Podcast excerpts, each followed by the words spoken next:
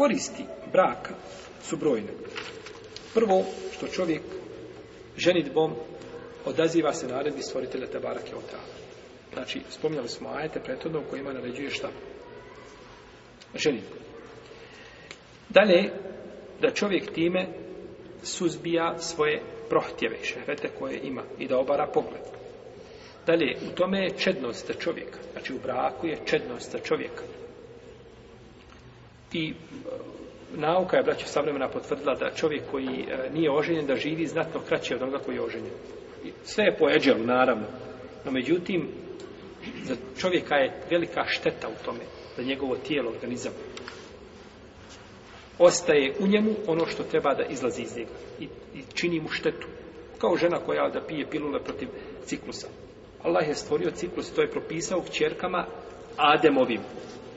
I to će ostati do sudnjega dana. I svako ko to pokuša promijeniti, napravi belaj. Imamo se stara koji su išli na hač, pa pitaju smijemo li piti nešto da, pošto ne znamo, svijete popiti. To smije popiti jedan put, da se popije s obavi hač kako treba, da žena ne bi morala čekati, da ne morala kasniti, pa e, kartu iznova plaćati, ne znam, belaje sebi dole praviti što je ostala duže u zemlji, tako da dobavi, dobavi tava. No, međutim, ovaj, jedan put kada to žena uradi, nakon toga ima par mjeseci problema, neredovni ciklusi, pojavi se, pa stane, pa prekine, pa usred ciklusa, usred čistog perioda se nešto pojavi, pa ponov, dok se to ponovo ne, a šta mislim da kada bi to češće činila, kakav bi fesad napravila za svoje tijelo. To uzvišen je Allah propisao tako. Tako i po pitanju muškarca, znači i tako je po pitanju jeli, ženitbe. Dalje, a, spriječavanje širenja nemorala u muslimanskim društvima nema sumnje da čovjek znači sa koji posjeduje suprugu da znači teže mu se može desiti to neko onaj koje je neoženjen. Potom e, znači povećanje broja sredbenika poslanika sallallahu alejhi ve jer će se on ponositi time na sudnjem danu. A potom velika nagrada znači za kontakt znači sa suprugom kao što smo spominjali. Zatim da volimo ono što je volio poslanik sallallahu alejhi ve Šta je poslanik sallallahu alejhi ve volio? Žene i mirise pozio je, znači, a imao je pravo, imao je zadovoljstvo, znači, u namazu. Učinjeno je da njegovo se srce smiruje u namazu, pa kaže, muhibbe li min dunijakum, atibu on nisa, a od vašeg dunjanuka volim žene i miris. Miris žene. Molim? Miris žene. Miris ne, ne, miris i žene. I žene, miris i žene. Zato se poslanik za ženio. I njemu je bilo dozvoljeno ono što ne bilo dozvoljeno drugim ljudima. Do, to već, do toga ćemo išao tela doći deveto ili deveta ta korist jel, koju spominjemo, ne znam kako ste vi ovaj numirisali, uglavnom deveta je po redu. Da čovjek ima dijete koje će ga, šta? Koje će ga spominjati po hajru, po dobru, koje će mu doučiniti nakon njegove smrti. Je tako? Nakon njegove smrti imaš dijete koga će, ovaj, koje će kazati moj babo, rahimehullah, moj babo mi ostavio kuću, Allah mu se smilo i džennet ga uveo moj bab, znači spominje ga po dobru, je li tako? Sehl ibn al-Hanzali je bio ashab koji je bio neplodan. Kaže da mi se rodi dijete i da jedan put kaže subhanallah i da umre, draže mi nego dunjalog i sve što je na dunjalog. Rodi mu se sin i samo odgovori prosto subhanallah i odmah umre.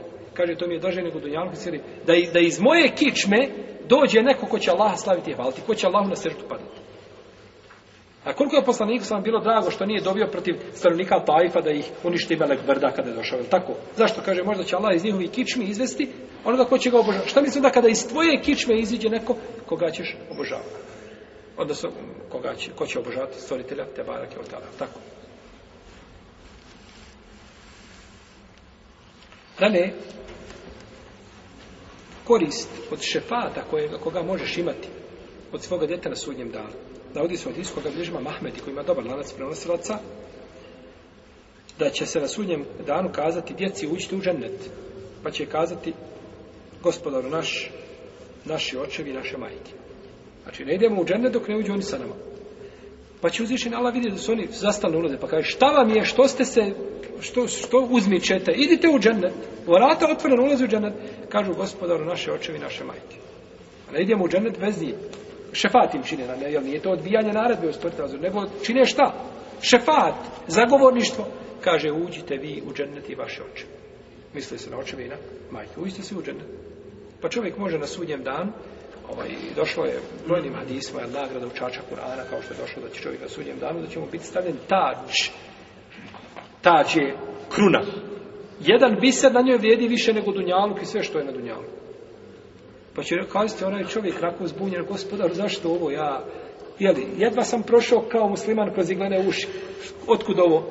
Kaže bi ehdike voledake l'Kur'an, kaže zato što je tvoje dijete učilo Kur'an. A što mislite da braću kakva nagrada pripada djecetu? Ovo je samo posljedica, ti mislim u babu. A babo ima takvu nagradu. Što misliš kakva je nagrada za koga? Za samo dijete. Pa je tu bereket, u tome je bereket. Znači, i zato ne bi muslimani nikako smjeli biti pogođeni onim čime je pogođen zapad. Jedno, dijete je belaj kod njih. A da ne govorimo više. Znači, za kod njih nema, ja mislim da kod njih muž hoće da prokune ženu, da kaže da Bog da ostala trudna. To je kod njih, ja mislim, proklestvo da ga nema većeg. zato što su promijenili svoje, svoju prirodu, ali da vodaju kućića.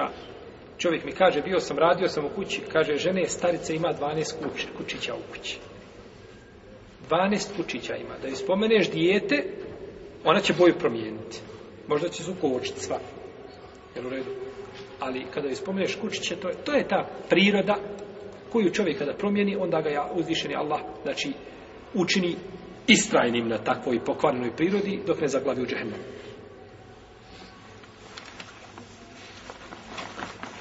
Ovo je, braćo,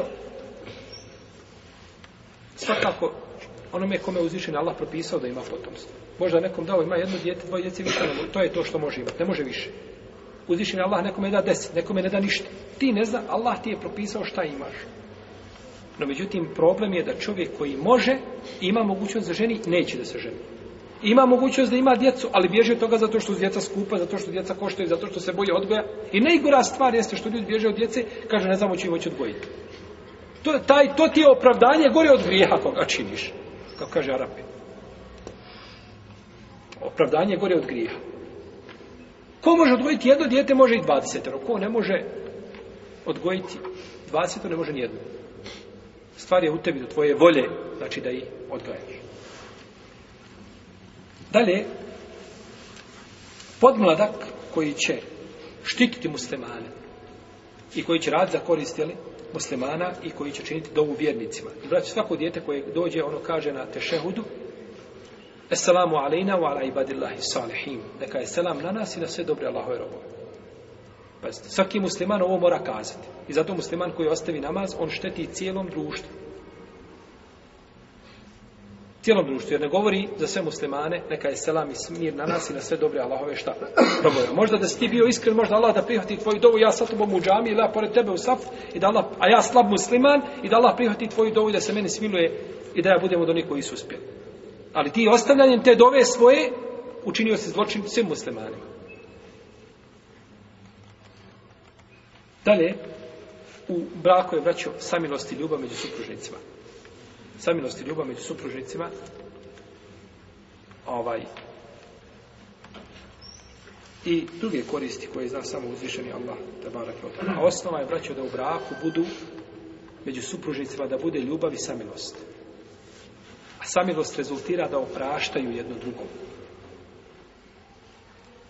Jer u braku gdje nema opraštanja i gdje nema zatvaranja očiju, gdje nema slijepila, i gdje nema ono što mi kažemo čovjek se pravi lud nema brak imam šafija kaže najbolji čovjek je el fatinul kejis onaj koji kuži i stvari se vidi a pravi se lud ja kužim vidim da žena nešto nije uradila kako treba da me nije poslušala ja pređem preko toga ništa ne spominjem joj nikako to to je od mudrosti nije od mudrosti odmah to zalijepiš na facu i sjede iz druge strane jel u redu I, tako, I onda kada pogreši, a tako da ona tebi govori, pa jesam ti rekla to, pa jesam ti kazala, nema tu braka, to je samo vrebanje i hvatanje grešaka i propusta.